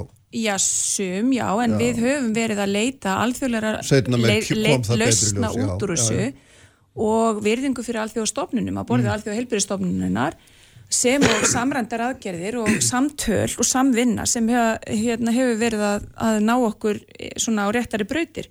En svo er það náttúrulega líka þannig að ESB, eftir að Ólípið talar um það, mér að ESB er líka ríkjasamband og það eru ólík ríki, alveg svo er ólík ríki innan Norrlandana, Svíþjóð er algjörlega sér á báti þegar kemur í sínum aðgerðum og, og svo framvegist, þannig að mm. það er svolítið erfitt líka að bera saman þessi svona grúndit stöðuna í ríkjunum og fara einhverja alheims viðbröð. En ég held að sko við, ég, ég var mjög pessimista og svart sína á tímabili um að við værim að fara í bara meiri einangurinn populism og svo framvegis. Vissulega er staðan þannig og við sjáum dæmi það í í nokkur ríkjum bandaríkjana til að mynda og eða í Östur-Európu en þessi alþjóðasamvinn og samtal, hún, hef, það er eiginlega verða ofan á í okkar viðbröðum við, mm. við þessu sem við höfum verið að klíma við undarverðna vikur. Já. Þú spurur að því áðan, sko, er ekki, fólk er ekki að býða eftir grænu starfi eftir þrjú ár, heldur starfi núna á næstu fem mánu sem er hárétt og þess vegna sögðum við það áðan, það þarf að passa upp á það sem er fyrir, þurfum að verja það og koma því á stað aftur, færa þjónust að mun ná sér og stryk það mun taka auðvitað einhver tíma en, en það mun gera smám saman. Aðra greinar hafa líka orði fyrir áfalli, miklum samdrætti en, en við getum komið þeim af staðaftur. Mm -hmm. Það sem þarf auðvitað að gera er að skapa hér almenn góð skilir þá fyrir fyrirtækin. Mm. Þannig að þau geti náð viðspyrnu þegar að tækifærin koma. Þess vegna er uh, aðgerði stjórnvalda jákvæðar að því leiti að þær snúast á um varnir að að hjálpa fyrirtækinum yfir þennan hjalla mm. þannig að það sé hægt að fara hratt af stað en síðan höfum við þá valum tvær leiðir og annars vegar er það leið skattlagningar. Það er svo leið sem við sáum eh, eftir síðast áfall. Þá reyndar var hagkerri lokað sem að breyta aðeins stöðunni. Mm. núna er hagkerrið opið að því leiti sem það er hægt á tímum koronavirunar þannig að það er ekki sömu það, það mun hafa önnur áhrif að, að beita semst, mjög íþingjandi efnaðslegum aðgjörum uh, hinn leiðin er leið vakstar og það gerum við með eitthvað sem við getum kallað skinsanlega efnaðastefnu mm. eða við höfum stundum kallað atvinnustefnu sem þýðir í raun að búa atvinnlífinu almennt góð skilirði þannig að fyrirtækin getur þá sjálf vaksið og dafnað, ráði fólk til starfa og þannig að við náum okkur á stryk aftur. Þá þurfum við að hugsa um samkeppnisæfnina. Hún stendur á fjórum stóðum eins og við þekkjum sem er þá mentun eða mannöðurinn. Það eru innviðnir, hinn efnislegu, það er nýsköpun og svo starfsungverð, skattar, regluverk, eh, stöðuleiki og svo fleira. Þannig að það, þarna hefur ríkið hlutverki gegna því að með umbótum á þessum sviðum að þá er, er hægt að lifta öllum upp þannig að þetta verður svolítið spurningin hérna næsta vetur í aðdraðanda kostningarna, Já. hvaða leið ætlum að fara En það er líka sko, alveg beintengt þessu og líka þess að þið voru að tala um Rósi og, og, og hérna Óli Björn áðan er sko þetta, það sem við séum þessu er að, er að hlutverk ríkisins í samfélagum hefur einhvern veginn marga elst og, og það hefur hérna og við erum fann að tala alltaf öðru í sem ríkið og starfsmenn ríkisins heldur en við gerðum fyrir árið síðan og ég tala nú ekki með að tala aðeins lengra aftur í tíman þar sem að það var oft bara hreinlega taldir baggi á hérna, samfélaginu. En nú dásum við hérna, helbreyðstarfsmennin okkar og, og marga fleiri og þannig að þetta er líka kannski einhver breyting sem verður að hérna, við förum að horfa öðruvísi á ríkið og viljum síður hérna, draga umsöðum þess Ég held að ríkið leiki, leiki hlutverki í því, akkurat kannski auðvitað við það sem Óli Björn var að tala um að ríkið ætti ekki að koma að mm. eða, eða hérna, við innspýtingu, græna innspýtingu heldur ætti það bara að gerast það sjálfur sér á frjálsum markaði eða í formi hérna, frumkvæðis einstaklingana. Það hefur alveg sínt sig og það er búið að vera e, í gangi hugundafræði í löndunum sem við, við berum okkur við og erum í samfunnu og viðskiptum við, að þar hefur einmitt ríkið stuðningur við umhverjusvæna lausnir og græna fjárfestingur og svo framviðis þurftils og nýsköpun. Að sjálfsög hefur ríkið leikið þar leikið hlutarki í einmitt stöðningnum, byrjunastöðningnum til þess síðan að fyrirtæki ná að þróast og vaksa á dafna og þar leikur náttúrulega ríkið hérna, leikið hlutarki og þá þurfa stefnan og hérna, stefnan að vera skýr. Mm -hmm, mm -hmm. og traustið að vera á milli viðskiptalífsins og ríkisins. Þannig að ég held að þarna hérna er náttúrulega kannski blæbriða mun Nei, ja, það er nú ekki eins og hérna ríkið eða ríkisjóður hafi ekki hérna beitt til dæmi skattalegum kvötum í markmiðum í loftasmálu það hefur verið gert. Það hefur verið stíið hérna mjög fast þar til jarðar í þessari ríkistjón meðal annars hvað var það rafbílavæðingu og svo framins sko ég held að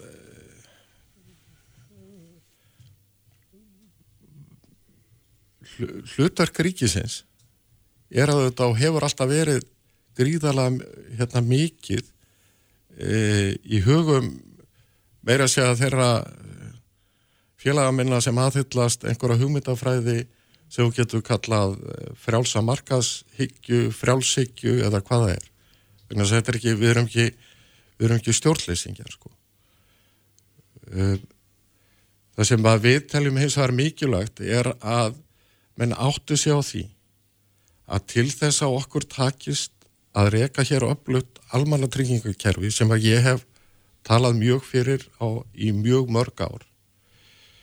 Hilbriðiskerfi þar sem að við saminumst um það að tryggja það að allir eigir aðgang að uppluguri hilbriðistjónustu, svo greinur okkur á um það hvort að ríkið eigi hendilega að reyka allt. Ég held að það sé ónöðiselegt og í því sé fólkinn sóun. En til þess að gera þetta og upplut mentakerfi, þá þurfum við að byggja hér upp upplut atvinnlíf sem ég kalla viðskiptahagkerfi, þar sem verðmættin verða til. Og Sigurður segi hér áðan, það eru 55.000 manns á atvinnlýsiskar á að hluti eða öllu leiti.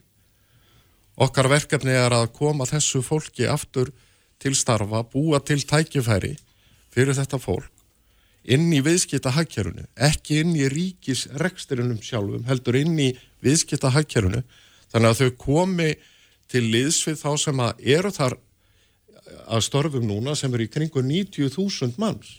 Við þurfum sannst að fjölga í hópi þessara 90.000 manna sem að er að bera uppi hér stæðst að hluta verðmættasköpununa þannig að við getum og getum verið reygin af því að reka hér öllu telbyrðiskerfi sem kom nú í ljós að skipta okkur heldur betur máli á undanförnum mánuðum og mentakerfi og hérna almannatryggingakerfi og svo framvegis.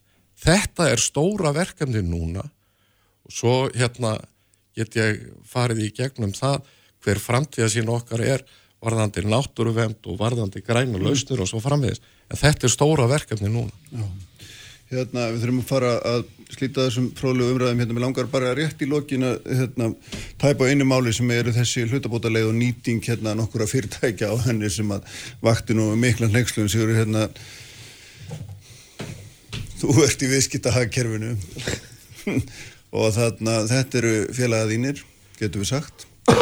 Þarna út á agrinum sem er að nota sér hérna ríkisjóð til þess að móka til sín einhverjum penningum, ekki miklu mjöldum tilvíkum en einhverjum uh, í stað þess að nota degi fyrir sem þeir eiga bara sko kappnú af.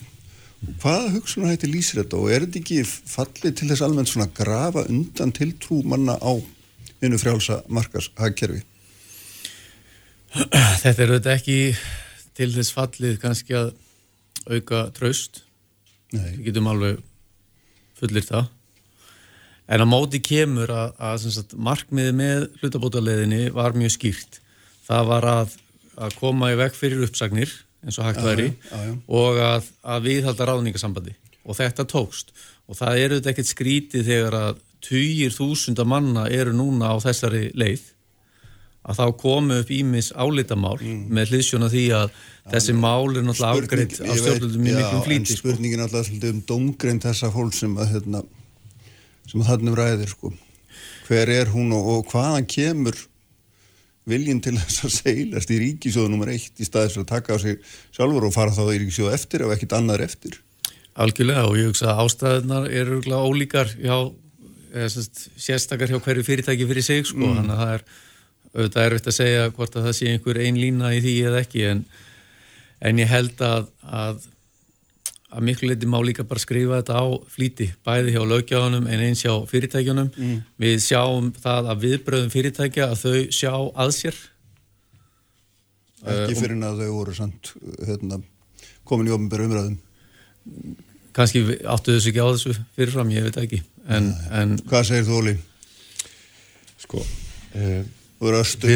Já, nei, ég menna við, við, við við vorum í þessu sameilega verkefni, ég menna að Ríkisjóður er bara sameign okkar allara, í þessu sameilega verkefni að tryggja það að hér færu ekki 2000 mann á atvinnleysi skrá heldur heldur einhverju ráðningasambandi við fyrirtæki og hlutabótastarfi leiðin var ætluð til þess og ég hygg að þegar upp í staði það hafi vel tekist til. Mm -hmm. Það sem særi mann hins vegar er hversu fljótt sum fyrirtæki nýttu sér þetta að þér virðist með óeðlilegum hætti. Ég bara segi, sko, við erum, þegar við förum í sameinlegt verkefni hérna þjóðin og við saminuðum stöðum þetta, að þá einhvern veginn taka menn á sig hérna óskráðu reglur eða skildur. Það þarf ekki alltaf að vera meitlað í lög. Mm -hmm.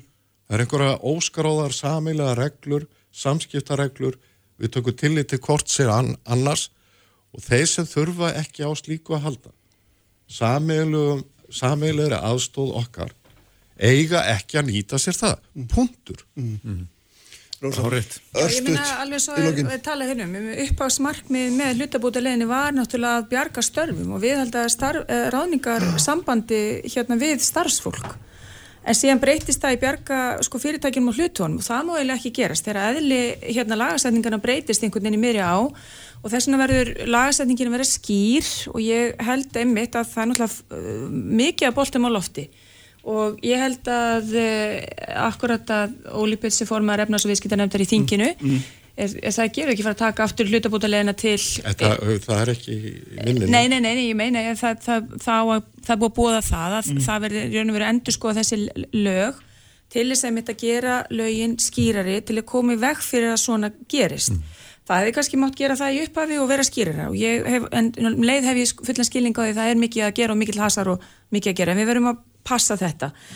En auðvitað er það náttúrulega líka hérna uh, ekki, ég myndi nú ekki orða einbyttu brotavilji en, en sko það er náttúrulega það er algjörlega augljóst að sum fyrirtæki gengur bara eins langt eins og þau gátu í því skyni að tólka þessa leið sér í hag og hlutu honum það var náttúrulega ekki markmið með lagasætingu til að byrja með. Sko, hlutabótaleiðin var ekki fyrir fyrirtækin heldur fyrir starfsmenn. Mm. Já, ég segja að uppast markmið var þannig og þannig að ég, ég er að segja bara það, það verður að haldast og það markmið verður að haldast og ég held bara með það, það stemningun í samfélaginu við þessu þá bara séum við öll samfélag um að þetta er ekki misnóta.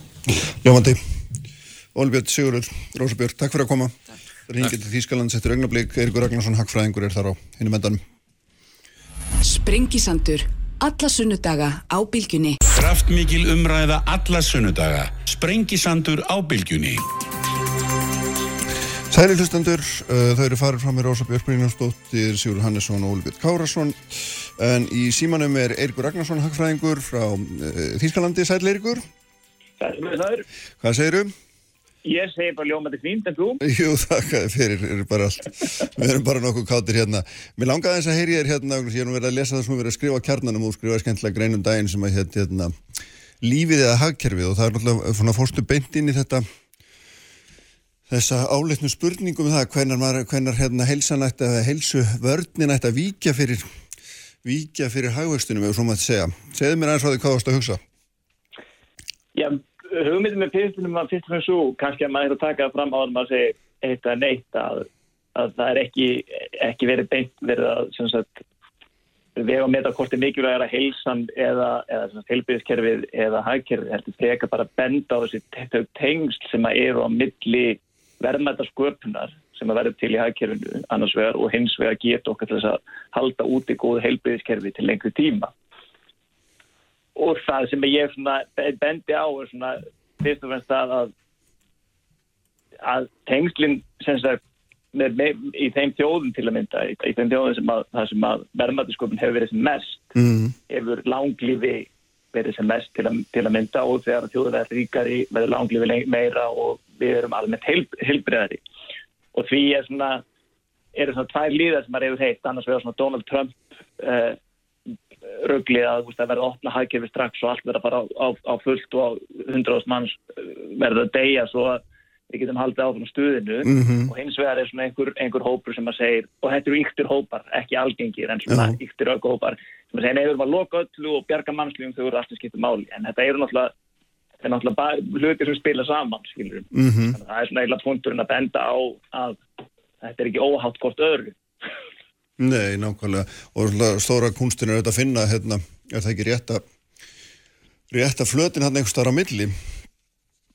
Hárið, og, og, og líkilsin er einmitt nákvæmlega þessi að það er einhvers konar, veist, að það er alltaf þess virði að, að fórna einhvers konar velmegum til skamstíma alltaf bjarga Mm. mannslífum og fyrir veit það að ef að á Íslandi er, er þetta náttúrulega svolítið, spes af því að fórnakostnaðurinn að því að slökkva ljósin á Íslandi er talsvert lítill í augnablikinu. Það er að segja að þó svo að við myndum opna alla, alla búðir og öll hótel á Íslandi og, og, og stoppa alla félags uh, forðun Mm. á einn nóttu að þá myndi það ekki breyta endilega það miklu fyrir verðmætasköpun á Íslandi af því að mest öll verðmætasköpun sköpun sem að er sem sagt, er háð þessum uh, bóðum og bönnum uh, verður ekki til af því að önnurlönd hafa sagt nei, þið megið ekki þið megið ekki yfirgefa landið okkar eða skilur þú, Já, já. haldið ykkur heima hún kemur annars stað frá en frá okkur sjálfum minnurum. við höfum búið að lítið stjórn yfir þannig, þannig, þannig að það er búið að lítið fórnarkostnaður af því Mm. að, að fylgja þessum reglum þannig að gera. En það breytir því ekki að, að, að verðmættasköpun, tekjur ríkisjóður eru háð verðmættasköpun saman samfélagsins. Útgjöld ríkisjóðs til heilbyrðiskerfisins er háð verðmættasköpun, er háð tekjum ríkisins. Og ef að tekjur ríkisins um, eru, eru skorðaðar og mikið í gegnum minni verðmættasköpun að þá kemur það niður á heilbyrðiskerfin okkar og þetta bendi ég á í greinni til dæmis eftir fjármála uh, hrunin mikla að þá skrapp saman eh, skruppu saman hérna útgjöld ríkisins til heilbyrðismála talsverð uh, alveg í takt við uh, samdrátt í, í, í, í hagkerfum Sko þarna, ef, ef við sko, þessi svona umræða, ef við, ef við kannski víkum hann aðeins út, þá getum við sagt að já, hún byrtist náttúrulega fyrst og fremst í, eða svona kristallast fyrst og fremst í ferðamennsku í, í Európa og það er náttúrulega líka við sjáum auðvitað í Þýskalandi, þar sem þú ert stattur og það er auðvitað líka hérna þessi umræði gangi að svona þessi opnun versus hérna, já þessi hagkerfis opnun versus, versus að halda í, í hérna, halda í þessar varúðarástafinni þarf að segja lítilega mikil áhætta ef maður fer út í áhættustýringar tal. vissulega í Þýskalandi er, er, er, er eh, að mörguleiti mjög ólíkt Íslandi en að samanskapi mjög líkt Íslandi að því að Þýsk tækir er mjög háð útflutningi og það er sérstaklega áhugavert að því að þau eru að búa til fullt af heimsmyndstarar í útflutningi export veldmæsta. Já, já, einmitt. mjög stoltir af því. Og, veist, og þeir veist, en, en, veist, en eins og bílaframlegðandi BMW og, og Volkswagen og svo framvegis að þeir fóru, ég man ekki hvort Volkswagen hafa farið 80% á hlutabóðarlegina hérna og það var ekki veist, það var ekki út af því að þeir mátt ekki vinna það var bara einfallega því að kínverðir voru ekki að kaupa bíla veist, og ekki bara kínverðir heldur bara veist, það var bara engin eftirspurning í Þýskalandi og mjög ellendist frá eftir, eftir, eftir, eftir, eftir þessum vörum. Þannig að Mhm. þeir lenda í voru svip, svipum málum en svona núna þegar að sumar sísonið er að byrja þegar venjulega svona þjónusta svona við ferðamenn og þegar að skipta meira og meira máli að þá fer maður að finna miklu meira fyrir þessari tókstreitu sérstaklega með pólitíkusa sem að vilja sína sig og taka við að Merkel. Uh, að þeir svona reyna þeir, það myndast þessi svona þessi, þessi tókstreita á milli þess að vilja opna og venda. Mhm. uh, líf núver, núlefandi einstaklinga uh, svona óður komast. Já, og, og svona, hérna, ég meina, fólk er náttúrulega verður, er ekki- er þetta rétt að segja að fólk verður náttúrulega svona óþólumóðara og maður sér ofta eitthvað svona orðalega eitthvað svona, hérna, þú veist, annarkvort smitumstu eða sveltum, þú veist, og kannski ekki í, í bókstælunum skilningi, en það er svona alltaf því. það er einmitt nákvæmlega þetta það er mjög það er, er fyrir þá sem tala þýsku að skilja þýsku, þá mæli ég með að hlusta á þýskan veiru ræðing. Virologist heitir það eins og ég, ég veit ekki hvað maður kallar það í íslensku en já að, sem heitir Drostin og hann bendir einmitt á þetta og hann segir sko, veist, og hann talar alltaf, og hann er með við- daglegt podcast og útskýrar allt og er svona tríeiki þjóðverana uh segja. Og hann hérna og hann bendir einmitt á þetta veist, að, veist, að hann fái tölvupóst frá fólki og hann segir að sömur eru keksruglar og, og hóta líflátum og hérna þessu.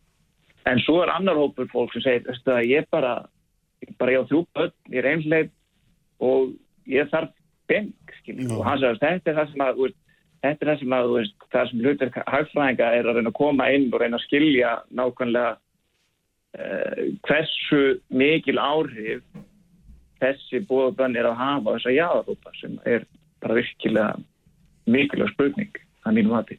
Já. Og er einhver svör?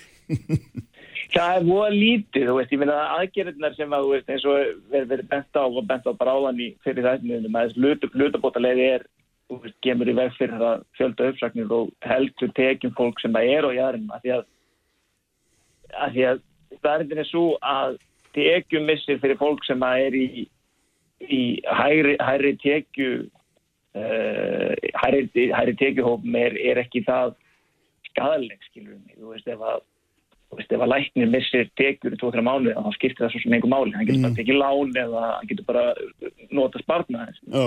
En á móti kemur að fyrir þess að hópa, hópa viðkvæmast að hópa tekjulega að þá er hlutabótalegin held ég hafi komið sér nokkuð vel í Þýskalandi til, til að þarna er fólk sem kannski þarf hver einstu krónu eða svona mest að því sem hefur verið venduð í gegnum það sem mm. er mjög mikilvægt mínum að Já, sko hérna uh, það er svona er einhvern veginn, mann finnst þetta ennþá að ég sem var svo oft sagt og ég ætla bara enn taka það sko, þetta er auðvitað svona hlut til einhvern veginn svona órönnverulegt og maður sér allar þessar tölur, nú vorum við að sjá nýja tölur frá sko með hagvastar spár þar sem er verið að spá sko mínus hérna sjög eða nánast 8% af niðursveiflu í Európa-sambandslandunum og allt í 15% í Breitlandi og þar maður tengir einhvern veginn ekkert við þetta. Hvað svona, ef þú varpar þínu svona hagfræðilega auða á þetta, hvað þýðir þetta í raun og veru svona gríðalegur Þetta þýðir náttúrulega rosalega mikið, þú veist, þessi 15% tali Breitlandi þykir mér sko